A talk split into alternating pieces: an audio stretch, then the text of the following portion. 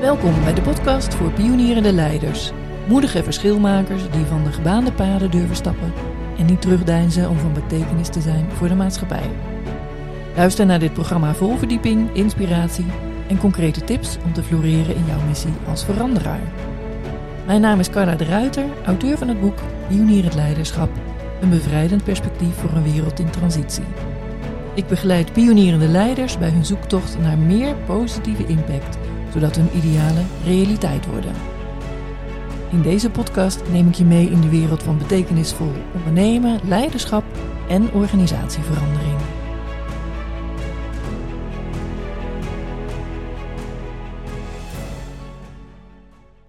Ineke Walravens is interim manager en executive coach. En na een carrière bij Unilever leidt ze al meer dan 25 jaar mensen en organisaties door veranderende omstandigheden.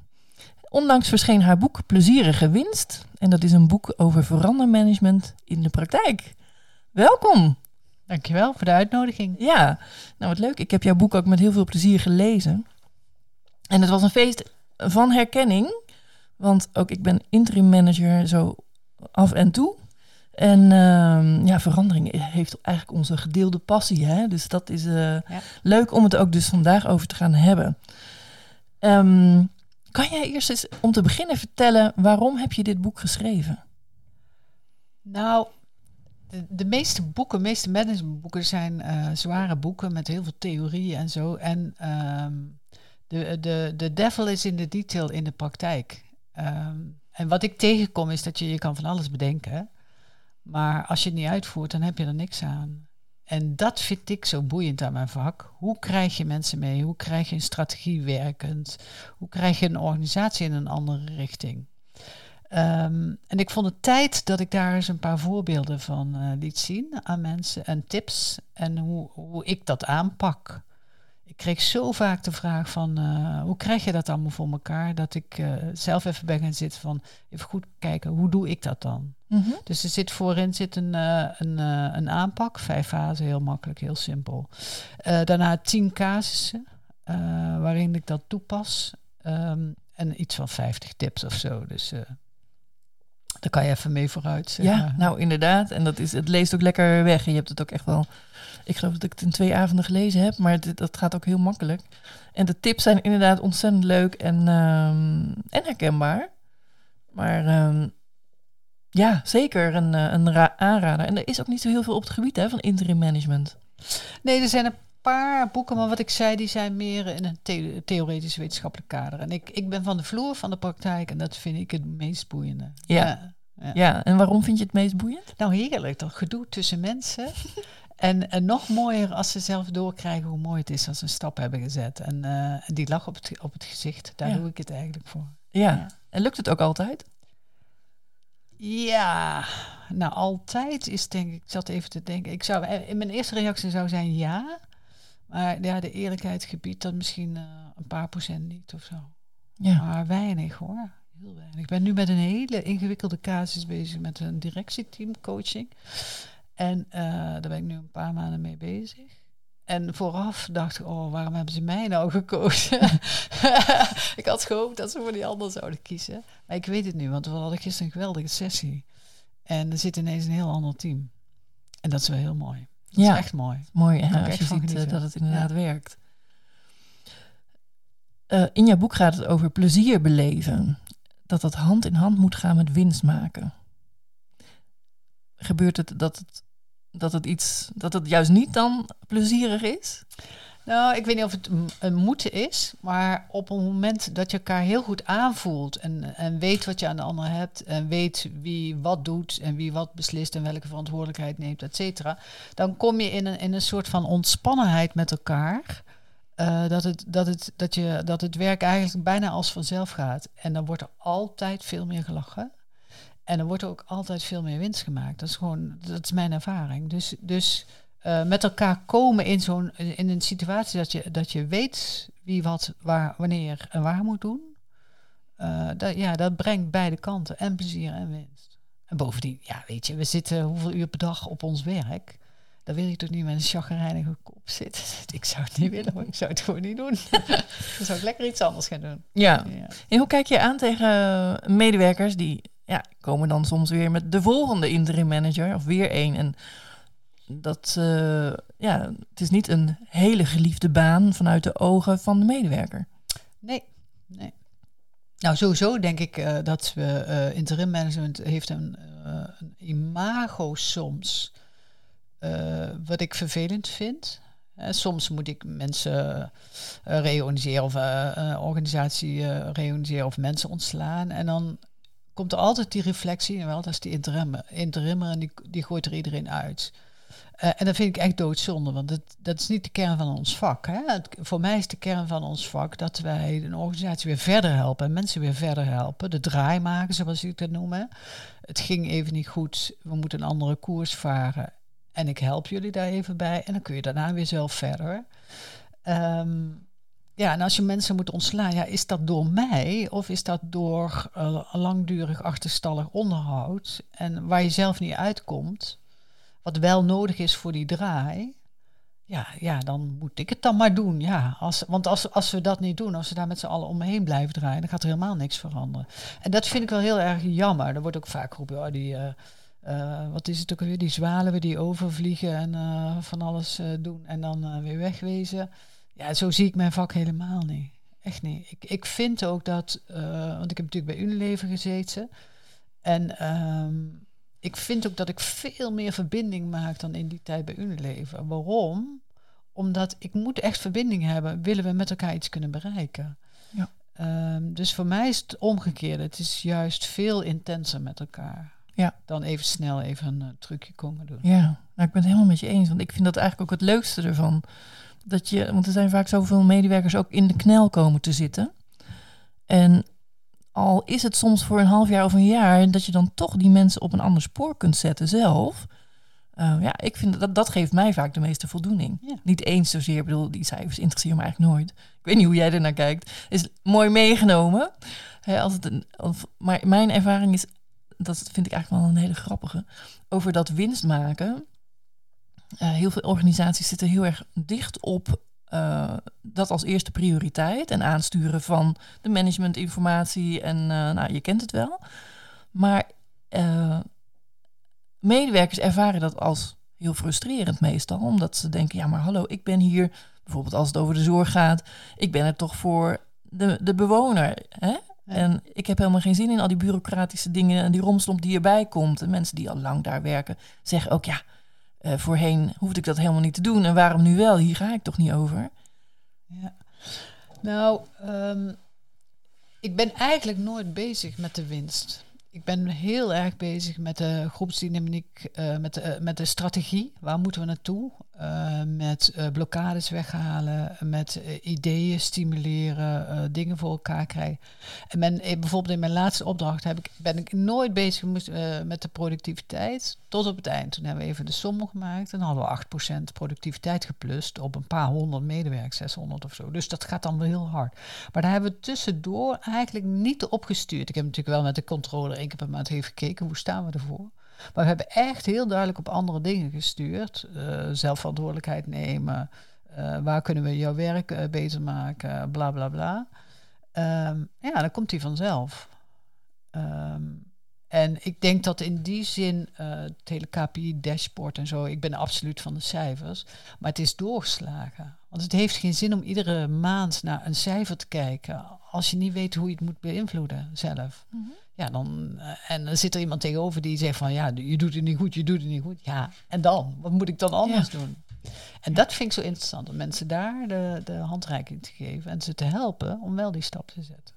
Ja, ja. ja want dat is het ermee. Want er bijvoorbeeld in het boek staat uh, een voorbeeld van Hein, uh, kenniswerker, uh, hoogopgeleide professional, veel kennis. Zat vijf jaar voor zijn pensioen of zo. En die liep 40% achter op target. Die wilden ze ontslaan. Maar ja, ik zei, nou laten we eens even met Hein gaan buurten. Eind van het jaar zat hij op target. Door goed te luisteren naar hem, te kijken waar, waar, die, waar die zijn, zijn vaardigheden niet meer bij heeft gewerkt over de jaren heen. Dat een goede training opzetten, hem verantwoordelijkheid geven om samen met die trainer een training te ontwerpen. Want er waren nog meer eh, collega's die achterliepen. Uh, het gesprek met hem aan te gaan, feedbackcursus, zelffeedback krijgen natuurlijk, et cetera.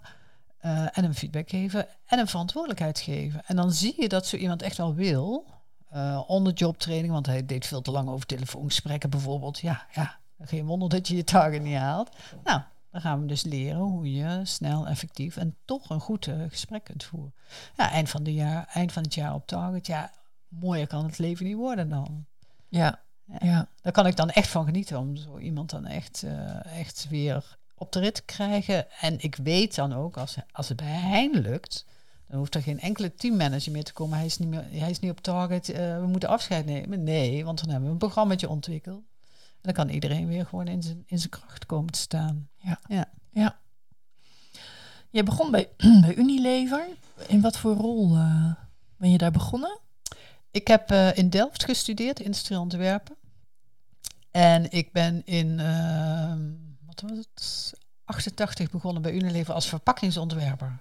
Oké, heel wat anders. Ja, heel wat anders. Uh, internationaal ook. Ehm, ik heb nog een paar jaar in de fabriek gestaan als verpakkingsexpert dan, deskundige. Ehm, een van de ontwerpen die ik gemaakt had, die gingen we implementeren. Dus dat heb ik in een jaar of drie uh, van de Bergen Jurgens Margarinefabriek staan. En daarna heb ik nog leiding gegeven uh, in Europa over een aantal verpakkingsexperts.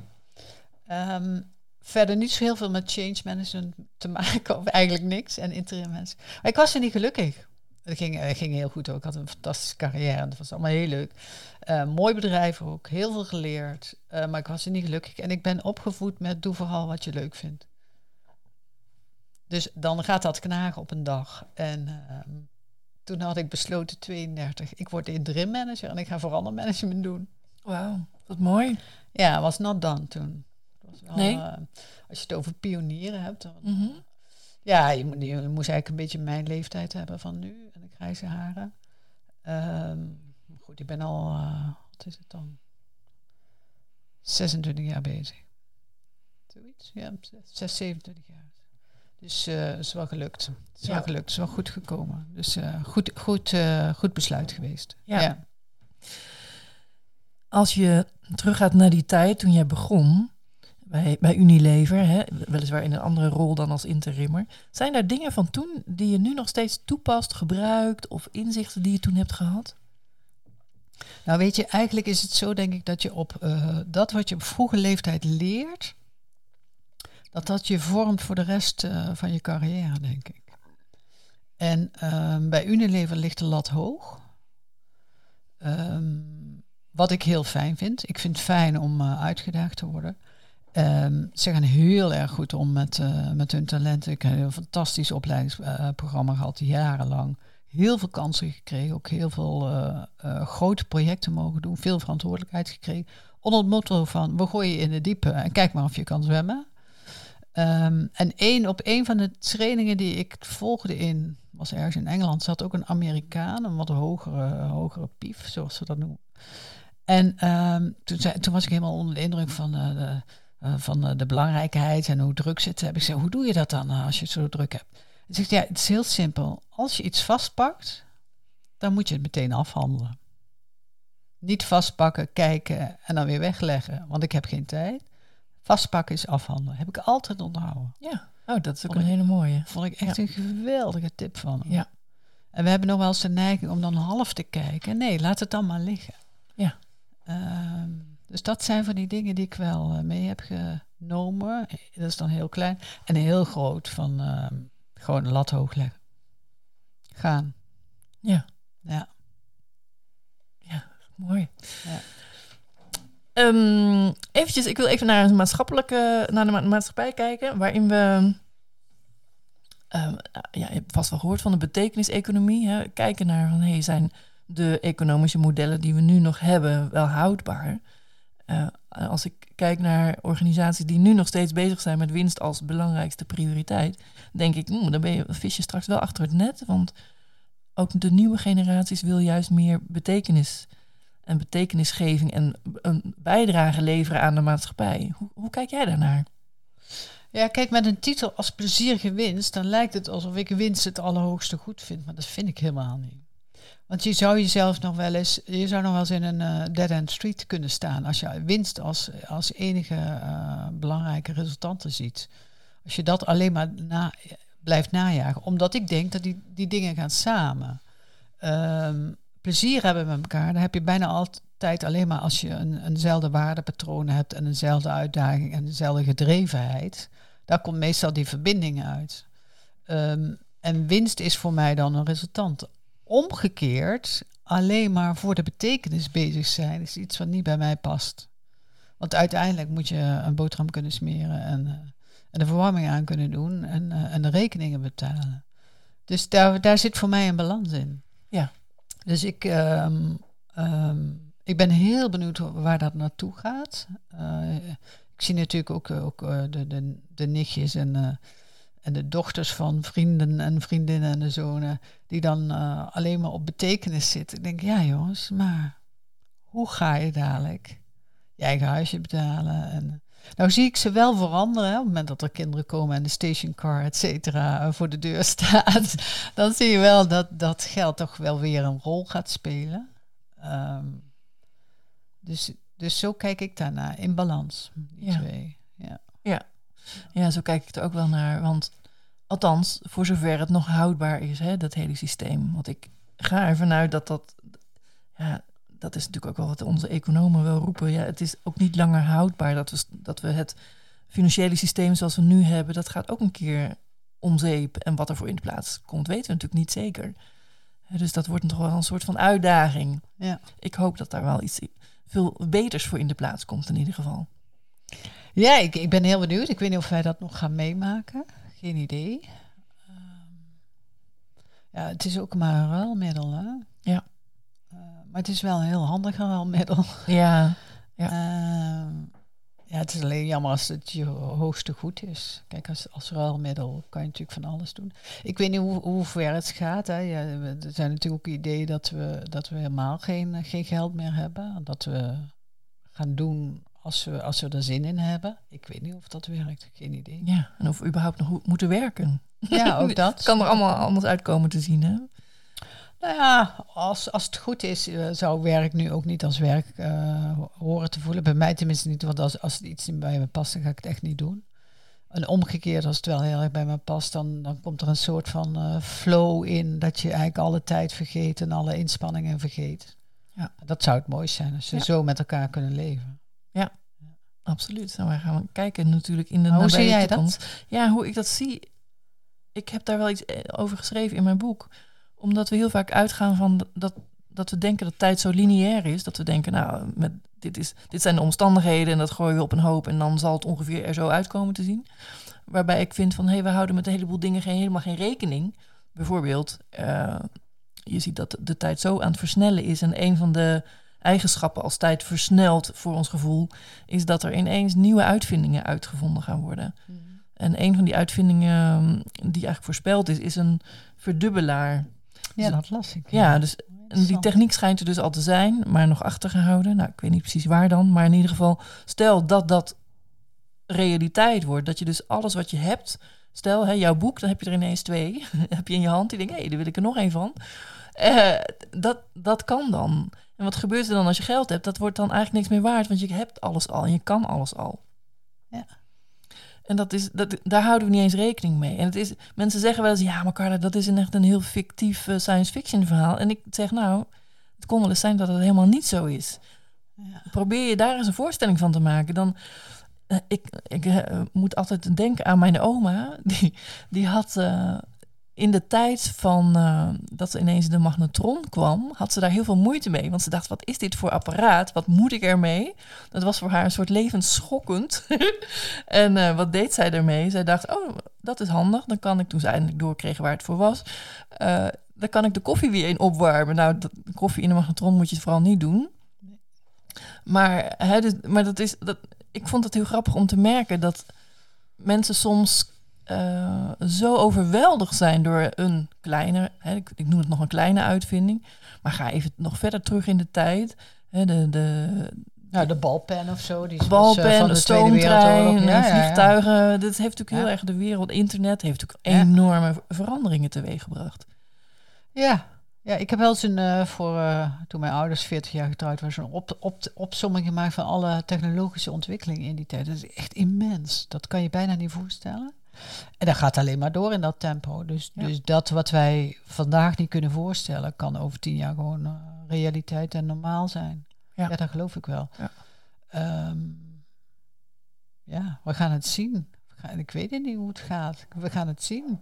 Ja, maar ik, ik denk zeker, zeker dat er een eh, steeds grotere hang komt naar betekenisgeving in het leven. Hè? Zingeving. Dat zie je bij jonge generaties zeker ook. Maar ook wel meer. Ja, ik zie het ook in de managementlaag steeds meer komen. hey, waarom is dit nog wel wat ik dan wil doen? Mensen gaan toch weer veranderen van baan. Of er is echt een enorme omschakeling van mensen in loondienst die ZZP'er worden. Ja. Dat was in een jaar tijd 1 op 5 en ineens 1 op 8 Serieus? die eh, uit, hè, uit loondienst gaan om dan Ja. toch maar, eh, of net andersom, één, ja. het was iets 1 op 8 en 1 op 5 werd dat, om dan voor zichzelf te beginnen. En Ja. eh, dat zijn hele grote eh, aantallen. Maar daar zit denk ik ook wel een redenering achter, om, omdat je dan meer verdient of zo? Nee, meer, helemaal meer niet. vrijheid? Nee, vanuit echt vanuit onvrede. Wat zoeken ze dan? Eh, wat zoeken ze dan? Nou, dan moet ik even kijken in mijn eigen omgeving. Er zijn een aantal mensen die in de zorg werken en zeggen: Ja, maar ik, dit, dit systeem, ik wil daar niet meer aan meewerken. Het is verouderd, er zitten alleen nog maar protocolletjes na te leven. Ik wil juist specifiek aandacht kunnen besteden aan het kind, aan de ouder, aan de bewoner. En dat kan ik wel vanuit mijn. Kijk, bijvoorbeeld ook naar de gezondheidszorg. Lange wachtlijsten in de GGZ. Er zijn eh, mensen die ik ken die, eh, die, ja, die, die halen mensen naar voren, want daar is wel plek. Maar ja. dan moet je het wel zelf gaan bekostigen. Maar heel veel mensen vinden dat de moeite waard, omdat ze daar echt als mens gezien worden en niet als een nummer. Ja, wat moeten we dan veranderen in dat soort organisatie? De menselijkheid terug. Protocollen alleen nog maar als, als het echt niet anders kan. Als het echt dienend is aan het proces. Maar dat is nu in heel veel gevallen niet zo. Nou zit jij veel in de zorg, hè? Dan zit ik veel in zorg en welzijn in die Ja. hoek. Dat is ook waar mijn achtergrond ligt. En eh, ook wel zeker een voorliefde. Maar ik, eh, ja, ik, ik, maar ik moet ze altijd zeggen dat ik het bedrijfsleven veel verademender vind. Omdat daar minder protocollen zijn. Maar ook omdat eh, als dan iets niet functioneert, dat mensen ook makkelijker ontslagen worden. En soms is dat echt nodig. En dat is in het hele, in de zorg en sociaal domein heel erg ingewikkeld vaak. Waarom? Nou, wat ik daar tegenkom is dat dossiers gewoon nooit op orde zijn. Daar is soms helemaal niets gedaan. Terwijl mensen daar jarenlang kunnen eh, dysfunctioneren. Met hele grote gevolgen. En dat kan in elke laag zijn. Het hoeft niet per se de, de medewerkerslaag te zijn, maar ook op managementniveau. Of dat er helemaal geen consensus is over welk, welke soort van leiderschap willen we nou uitdragen. En als daar een keus gemaakt is, dat, dat, dat leidinggevende dan eh, eigenlijk omdat ze niet precies weten hoe moeten we dat nou aansturen, eh, kunnen we dat wel verplichten, dat, dat er ook geen scholing op, op plaatsvindt. Hm. En ja, wat krijg je dan? Dan verandert er dus niks. Stel je wil over naar een, een meer dienende vorm of een coachende vorm van leiderschap. En er zit nog een hele dominante manager op. Op een bepaalde functie. En dan, eh, ja, wat krijg je dan? Ja, dat, is, dat werkt gewoon niet. Nee, dan gaat er niks veranderen. Het is allemaal op Ja. papier. Dan wil je iets Ja. op papier, wil je niet in de praktijk. Ja. En krijg jij zo iemand mee dan? In ander gedrag? Uiteindelijk wel. Ja, of dat je tot, de, tot zo iemand zelf tot de conclusie komt: ik moet naar een andere plek, want dat is inderdaad Ja. beter. Ja, Ja. Er zit ook een soort van verantwoordelijkheid voor jezelf. Hè? Dus als jij op een plek zit en je functioneert niet, het kan er bij mij niet in dat je dan moet wachten op een manager die tegen jou gaat vertellen, jij functioneert niet. Ja, toch gebeurt het. Waar is je Ja. zelfreflectie? Hoe kom je s'avonds thuis? Ik kan me niet voorstellen dat je dan met een big smile s'avonds thuis komt. Volgens mij voel je je toch een beetje ongelukkig de hele dag. En dat je dan toch niet ergens je vinger opsteekt en zegt van... joh, dan gaat hier iets niet goed. Kunnen we het er eens even over hebben? Wat doe ik verkeerd? Wat doen jullie fout? Ja.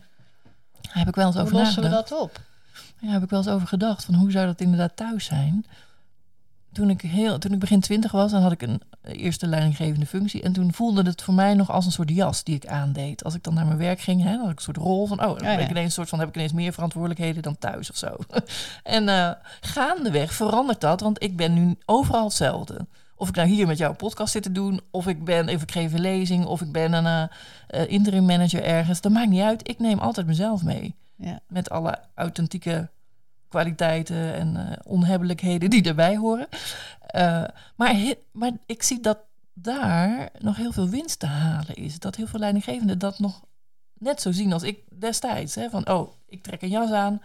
Kan heel vaak een machtsjas zijn. Hè? En uh, dat ze denken, hé, hey, nou, hier uh, ga ik de boel veranderen. Maar wel op mijn manier, zonder te veel inspraak. Dus dat is nog een ouderwetse manier vanuit dat powermodel, hoe we daar ooit naar keken. Mm.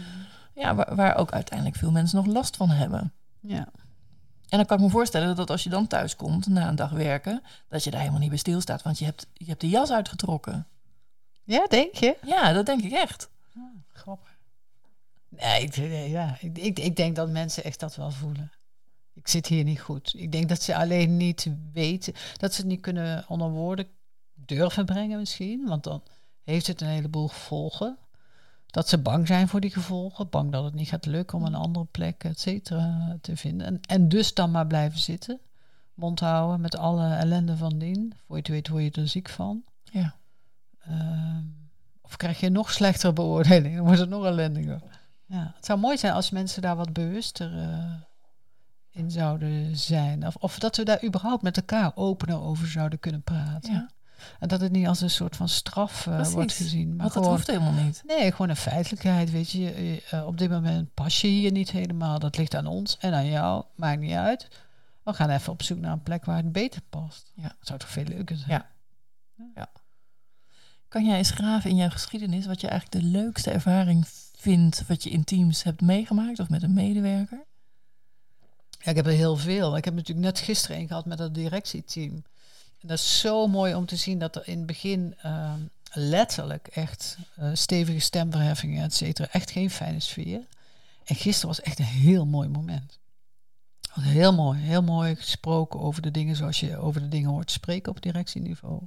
Over jezelf, over het bedrijf, inhoudelijk, uh, gevoelsmatig, dingen uitspreken. En uiteindelijk heb ik niet eens zo heel veel gedaan. Want ik denk, wat heb ik nou gedaan? Ik heb ze geleerd te luisteren, vragen te stellen, je gevoel uit te spreken, aannames te toetsen. Al die dingen die eigenlijk gewoon normaal zijn, maar waar ze gewoon weggedreven waren van elkaar. Ja. Um, en dat zagen ze zelf ook, want we hebben daarna nog een uur gezellig zitten kletsen. Nou, een directie die gezellig gaat zitten kletsen, die rennen meestal heel snel de vergaderzalen. We hebben echt oprecht een uur gezellig zitten kletsen en iedereen had zoiets Jeetje, zo kan het dus ook. Dus, dus, en, en zo heb ik er heel veel hein, weet je, die, die, die, daar heb ik af en toe nog mee. En uh, ja, dan uh, vijf jaar later krijg ik een uitnodiging uh, als hij met pensioen gaat om op zijn receptie te komen. Ja, dat, dat, dat, dat vind ik onvergetelijk. Maar zo heb ik er heel veel hoor, ook met coachen. Ik, het is gewoon, ik vind het iedere keer mooi als, ja, als, als je iemand weer ziet stralen. Ja. Weer in zijn energie zit. Uh, allemaal, allemaal uh, misschien consultancy termen, maar gewoon in, daar staat iemand die zichzelf kan zijn en eruit haalt wat erin zit. Ja. Nou, dat vind ik mooi. Ja, de, ja, hoeveel wil je er hebben? Ja, ja, die zijn onuitputtelijk, hè? Ja. Dat zag ik ook in jouw boek. Je noemt gewoon prachtige voorbeelden, die denk ik voor elke interim manager uh, ja, bekende moeten voorkomen. Welke vind jij het mooist? Oeh, even kijken hoor. Dat is een goede vraag, want het is voor mij alweer even geleden dat ik jouw boek heb gelezen.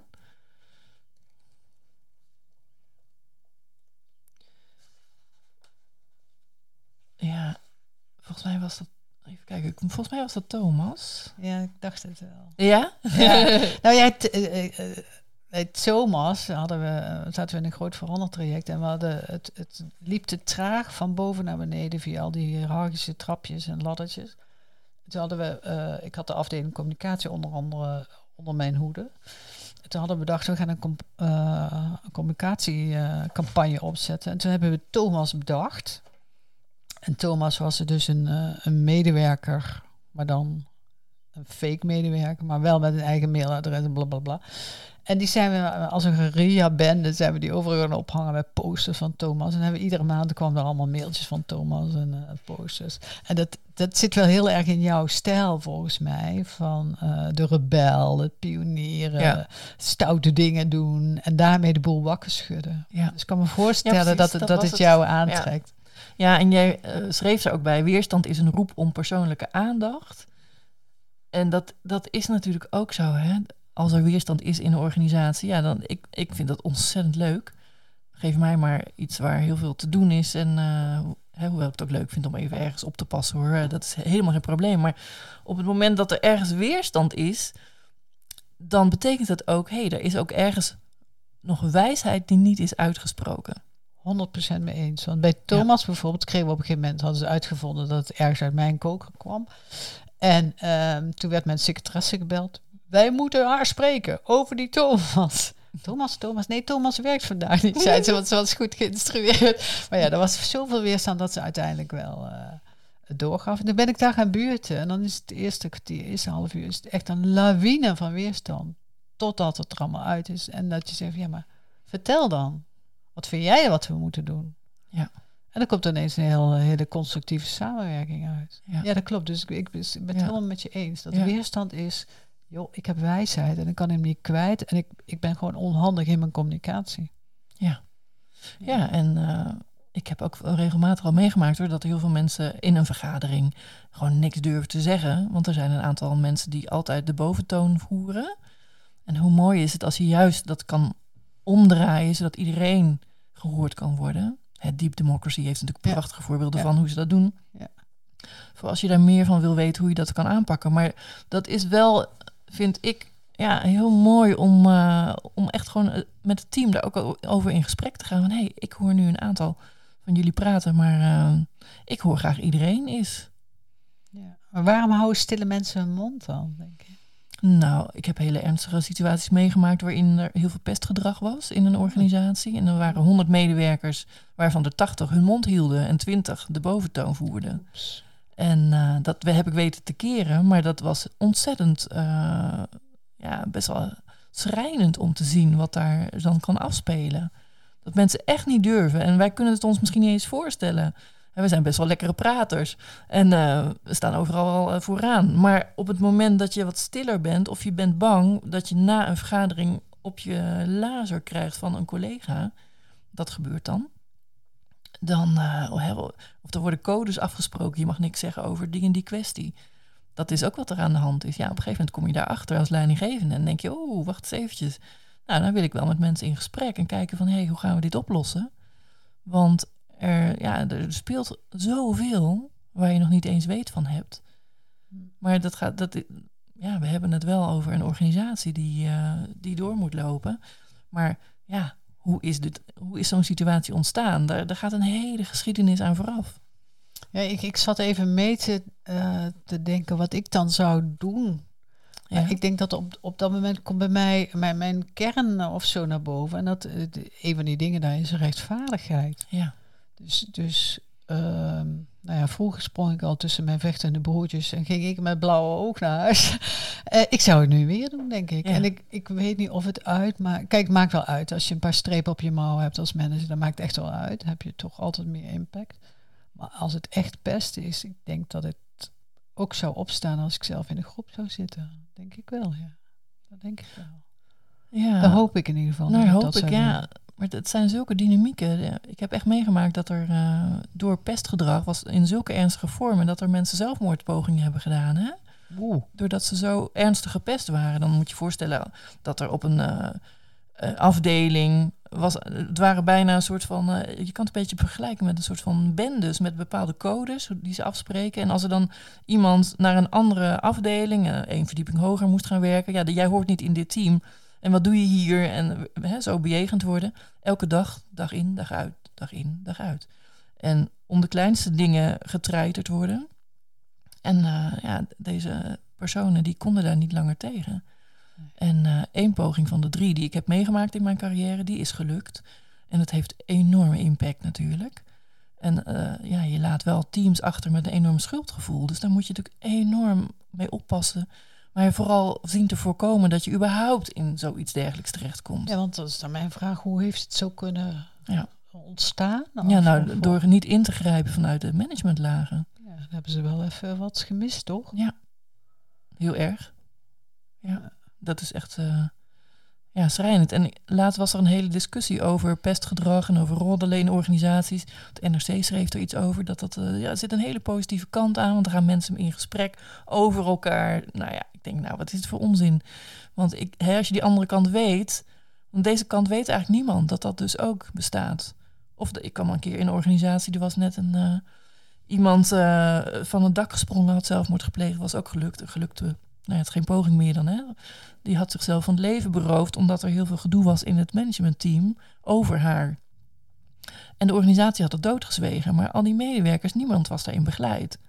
Kijk, Mm. dit is een voorval van jaren geleden, maar toch, hè, ik kan me voorstellen dat zoiets, dat mensen zo in de knel zitten, dat, eh, ja, dat ook er een soort onmacht is ontstaan in die organisatie, dat ze ook niet meer weten, wat moet je dan doen? Ja, vreselijk. Ja, en dat is echt al inderdaad afschuwelijk, maar het begint bij het erkennen van het probleem. En je zei van, dan blijft het team achter met een schuldgevoel. Ja. Eh, ook bij de pesters, doet dat ook daar, daar wat? Gaan die hun gedrag... eh, Eh, ja, nou ja, de pesters die schoven vooral de schuld af naar anderen. ja? Dus Of naar privé kwesties. En nee, het ligt niet aan ons. En, ja, dat is, heel, dat is natuurlijk heel schrijnend. weinig zelfreflectie. Geen. Ja. Heftig. Ja, dat is heel heftig. Dat wil je eigenlijk ook niet meemaken. Ook zeker niet als interim manager. Maar op een of andere manier geeft het wel voldoening als je dan weer in gesprek komt met mensen. En dat, dat je het zover krijgt dat die erkenning er gaat komen. Heb je dat kunnen oplossen in Ja. dat team? Ja. Ja, maar dan moet, ja, dan, je treft dan natuurlijk wel heel veel ellende aan. Hè? Dus dan moeten ook mensen ontslagen worden. Er moet dan ook van alles gebeuren, ehm, zodat het op elke laag weer gezond gaat worden. Ja. Maar vooral met elkaar in gesprek zien te komen weer. En ook echt gewoon durven erkennen van, nou, nou hier hebben we best wel iets laten liggen. Ja, en Ja. vooral ook, ook leren van met elkaar. Hè. Het is natuurlijk eh, heel schrijnend dat het zo, zo ver gaat, is gekomen. Ja. Maar zorg dan in godsnaam dat het niet nog een keer kan gebeuren. Ja. Leer daarvan met elkaar, ga in gesprek en dan gaan we vanaf, vanaf vandaag anders doen. Ja. Heftig. Kijk, en dan kan je wel voor een hele grote hulp, kun je een grote steun zijn voor medewerkers. Want dat is, hè, we hadden het in het begin net over de, het imago van de interim manager, die ook vaak door medewerkers wordt gezien als van, oh god, komt er weer één. Eh, maar dit is de andere kant ook ervan. Je kunt het ook zien als, oh, er komt ook steun voor ons. Ja, want het is een prachtig vak. En Ja. ehm, ehm, kijk, mij moet je niet op een beheerklus zetten. Hè. Dus als eh, een half jaar vervangen of iemand. Ik kan dat niet. Andere mensen kunnen dat heel erg goed. En dat is heel fijn dat ze dat kunnen, ik niet. Maar die mensen kunnen niet eh, eh, dit soort situaties die jij net beschrijft. Of, of wat ik beschrijf met Hein of met Thomas. dingen in beweging krijgen en, dat- en dat de goede kant op krijgen. En dat is het mooie van de meeste interimmers. Die kunnen dat wel. En, en dus, dus ook daar geldt voor mij, er is ruimte voor allebei. Eh, zowel beheer als interim en change. En, en laten we dat ook waarderen met elkaar. Dat het een het een heel erg goed kan en de ander het andere. Dus Precies. het is een prachtig vak, interimmers. Huur ze in, jongens, want je, af en toe zijn ze nodig. Ja, ja, precies. Eh, ik wil met jou gaan naar de pionierstest. Oh ja. De pionierstest. Hoe scoor jij de 21 kenmerken van een pionierend leider? Ontdek jouw leidende rol in een wereld in transitie. Want zoals elke gast in mijn uitzending gaan we kijken naar een aantal pionierende kwaliteiten die je hebt als pionierend leider. En zeker ook in het interimvak. En jij deed die test en dan kwamen er, er drie heel erg hoog uit. En die wil ik eh, eens even doorlopen, want je hebt daar vast hele mooie voorbeelden bij. En de eerste is inspiratie. Heb je veel inspiratie? Of ik inspiratie heb. Ik heb altijd inspiratie. Ik zie overal kansen. Ja, maar dat is het leuke. Ja. Heel af en toe heb ik even een dippie. Eh, maar zonder dipje is geen hoogtepunt. Nee, ik heb altijd inspiratie. Ja. Hoe zorg je dat je altijd inspiratie... Doe je daar iets voor? Heb je altijd dan inspiratie doordat je daar iets specif specifieks voor moet doen? Nou, wat ik meestal... Kijk, op vrijdag coach ik en ik heb nog uh, twee commissariaten en een paar teams. Dus ik ben zo anderhalf, twee dagen in de week sowieso wat kleinere dingen bezig. En dan, als ik op de klus zit, dan komen daar nog vier dagen bij. Uh, dus dan ben ik eigenlijk alleen maar aan het werk. En wat ik dan meestal doe, is als een interimklus is afgerond, dan neem ik even de tijd en de ruimte om andere dingen te doen. Um, en dan ben ik alleen maar anderhalf dag, twee dagen in de week bezig. En dat is de tijd voor inspiratie. Maar dat begint eigenlijk altijd met niets doen. Met niets doen, ja. ja uh, door mijn parkje sloffen. Uh, met de buurvrouw van, uh, van 92, Henny, een bakje thee doen. um, dingetjes opruimen, eten koken, gezellig van vrienden, avondje klaar Al die dingen waar je niet naartoe komt als je het heel druk hebt. Dus niks doen, een beetje uitslapen. En dan uh, gaat er altijd, komt er altijd wel weer iets nieuws of zo. En dan ga, ik, ga ik kapot, dan ga ik dingen ontdekken of ik ga iets nieuws leren. Ik heb een half jaar op de uh, fotoacademie gezeten in, uh, in Amsterdam. En, en dat soort dingen. En dan, um, dat leidt altijd ergens toe. En ik geloof heel erg in dat je jezelf moet voeden met dat soort dingen. Dat je niet constant altijd aan het werk kunt zijn. Op het tempo waarop wij werken. Ja. Um, uh, volle dagen volgepland met afspraken. Dat is superleuk. Maar ik geloof erin dat je af en toe uh, je energie even op iets anders moet richten. Ja, ja. ben ik helemaal met je eens hoor.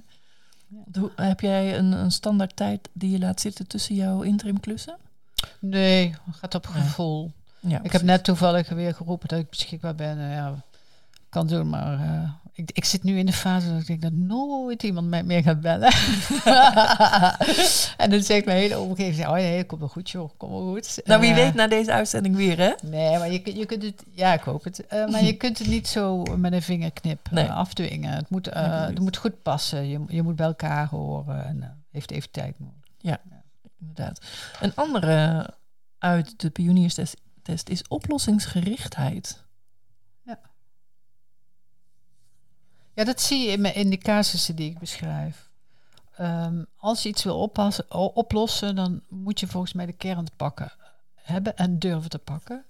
En daar met elkaar aan gaan werken. Ja. Um, en voor mij is er altijd een oplossing. Hoe ingewikkeld het puzzeltje ook is. En meestal zijn er nog meer dan, uh, dan één oplossing. Ik heb ooit een boek geschreven over creatief denken. Problemen oplossen met creatief denken. Daar heb ik jarenlang op een MBA-opleiding op getraind. En die, ik heb ze allemaal getraind. Oplossingen bedenken, anders kijken, uh, ander perspectief kiezen. Uh, dingen durven combineren die, die je daarvoor niet durft te combineren. En dan krijg je bijzondere oplossingen die vaak heel doeltreffend zijn. Ja. En ik ben een ingenieur uit Delft. Die zijn sowieso getraind in oplossingen bedenken. Ja, dus daar komt het ook vandaan. Ja, daar komt dat vandaan. Ook dat anders durven kijken. Heb ik heel erg van de opleiding. Ja, ja. absoluut. Ja. Oh, wat leuk, want ik wist, dat zou ik niet zo heel snel 1, 2, 3 daar uh, gevonden hebben. Ik ben zelf als creatief therapeut ooit afgestudeerd. Mm -hmm. En het, uh, wat ik daaraan overgehouden heb, is dat ik inderdaad, als er één probleem is, dat er, dat er eigenlijk getraind werd dat je minstens 200 oplossingen ging bedenken. En uh, op allerlei bizarre, leuke, bijzondere manieren. Maar ja, mooi dat dat ook dan in de, bij de TU zo uh, gestimuleerd is. Ja, maar dat zal jij dus ook in je werk hebben. Dat zal je meenemen naar je werk. Dat je daar ja. meerdere oplossingen ja, ziet. Altijd. Ja. ja. Dat is niet één. En wat, uh, net aan de keukentafel zei je ook nog over oplossingen. Soms kom ik ergens en dan is het zo voor de hand liggend dat ik denk, hé, hebben ze dat nou nooit eerder gezien? Ja, kijk, wij, wij komen natuurlijk vers binnen. Hè? We, hebben, ja. we hebben die historie niet. Uh, we zijn er niet bij geweest dat er bepaalde besluiten zijn genomen. Dus die verantwoordelijkheid hebben we ook niet. Dus wij komen lekker fris binnen. En kijken er eens naar met het pakketje. Uh, jij komt ook op heel veel settings. Ik kom ook in heel veel verschillende settings. Dus wij hebben een, een rugzakje wat anders gevuld is. Ja. En op het moment dat je dan naar die situatie kijkt. En ik, ja, jij waarschijnlijk ook. Wij komen meestal binnen als het toch wel zo duidelijk is dat er nu iets moet gaan gebeuren, um, ja, dan kijk je zo anders naar de situatie. En dan, ja, ik heb al regelmatig, dan kijk ik naar en schets ik wat en denk, nou, zou dit het dan dat kan toch niet dat dit het is? en dan denk ik, ja, ik kan niks meer verzinnen dan dit. Dus ja, laten we hier dan maar mee aan de slag gaan. En dan blijkt uiteindelijk altijd dat het dat ongeveer wel zo was. Ehm, maar bedenken is één, uitvoeren is twee. Hè? Dus je, ik, ik heb als stelling dat iedere strategie kan werken. Ehm, omdat het ook in de uitvoering zit. Je moet, ja, dus een goede strategie of een goede aanpak is, is één, maar je moet hem dan ook goed uitvoeren. En ik zie heel vaak dat uh, managers, directeuren dan daar toch nog een beetje omheen draaien, omdat ze eigenlijk die, die keuze die gemaakt is niet helemaal willen doorvoelen, doorleven, uh, het zo doen. En dan gaan we er een beetje half omheen draaien. Ja, en dan gaat het niet werken. Ja, dat is zo. Ja, dus het kan van heel voor de hand liggen tot heel complex zijn. Maar dat maakt het natuurlijk ook heel mooi hè, om daarachter te komen waar, waar de schoen wringt. Ja. ja. ja. Een andere hele mooie pionierskwaliteit is uit de comfortzone willen gaan. Dat is natuurlijk een hele voor de hand liggende vaak. Als we denken aan pioniers, hè, dat ligt mhm. vaak in het verlengde van elkaar over. Oh ja, dan moet je uit je comfortzone. Hoe zie je dat in je interimwerk terug? Nou, de dingen die ik doe, dat zijn voor de organisatie meestal wel spannende dingen. Ja. Het is wel ver uit de comfortzone voor de organisatie zelf. Ja, ja, ja. ja. Hoe bereid je ze daarop voor? Gesprekken voeren, tijd geven. Ik heb wel eens een, uh, een directeur die mij belde, kan je mijn organisatie klantgerichter maken? En dan zaten ze zo te, bu te buurten in, in de boardroom. Uh, en toen zei ik op een gegeven moment, ik zal zijn naam niet voor, uh, noemen. Ik zeg maar, hoeveel tijd heb jij voor, voor je klant? Ja, daar heb ik geen tijd voor hoor. Ik heb veel te druk. Nou, dan kan ik op dat moment daar vol in gaan. Of hem de tijd geven om er zelf over na te denken. Dus twee weken later zei hij, ja, ik moet zelf ook naar klanten. Ja, jij moet ook naar klanten. Anders gaat het niet werken. Ja. Um, dus vooral het gesprek aangaan, het benoemen, de tijd geven. En zelf goed voorbeeldgedrag laten zien. Hè? Ja. Ja, mooi. Heb je, tot slot, heb je een mooie tip nog voor directeuren in organisaties die een beetje, ja, toch zitten te twijfelen van ga ik nou wel of niet een interimmer inschakelen of nou juist ja, een andere route kiezen? Nou, mijn tip zou zo vooral zijn, uh, durf het allermooiste bedrijf te maken wat je je kan voorstellen. Wauw, dat is een mooie. En, en kijk dan wat je daarvoor nodig hebt. Ja, dat is mooi. Ja. Til het eerst even op een hoger plan. Ja, ja. Durf echt ver weg te kijken en uh, idealistisch te zijn. Uh, en ga het dan waarmaken. En als je daar een interim voor nodig hebt, vooral uren. Als je coach nodig hebt, ook in uren. Ja. En als je dat nu nodig hebt, lekker zelf doen. Ja. ja. Maar zorg dat het, dat, het, ja, dat het gaat lopen in je organisatie. En, en, en uh, vrees niet om af en toe iets op te ruimen. Ja. Nou, dat zijn mooie afsluitende woorden. Dankjewel Ineke. Ja, joh. En uh, heel veel succes. Dankjewel voor het luisteren. Wil je op de hoogte blijven en geen aflevering missen? Abonneer je dan op deze podcast en laat een review achter. Heb je mijn boek Pionier het Leiderschap al gelezen? Het is een must voor pioniers, verschilmakers, veranderaars die ogen hebben voor de toekomst. Je bestelt deze eenvoudig via pionierhetleiderschap.nl. Op deze website vind je allerlei mogelijkheden om met Pionier het Leiderschap aan de slag te gaan. Tot een volgende keer.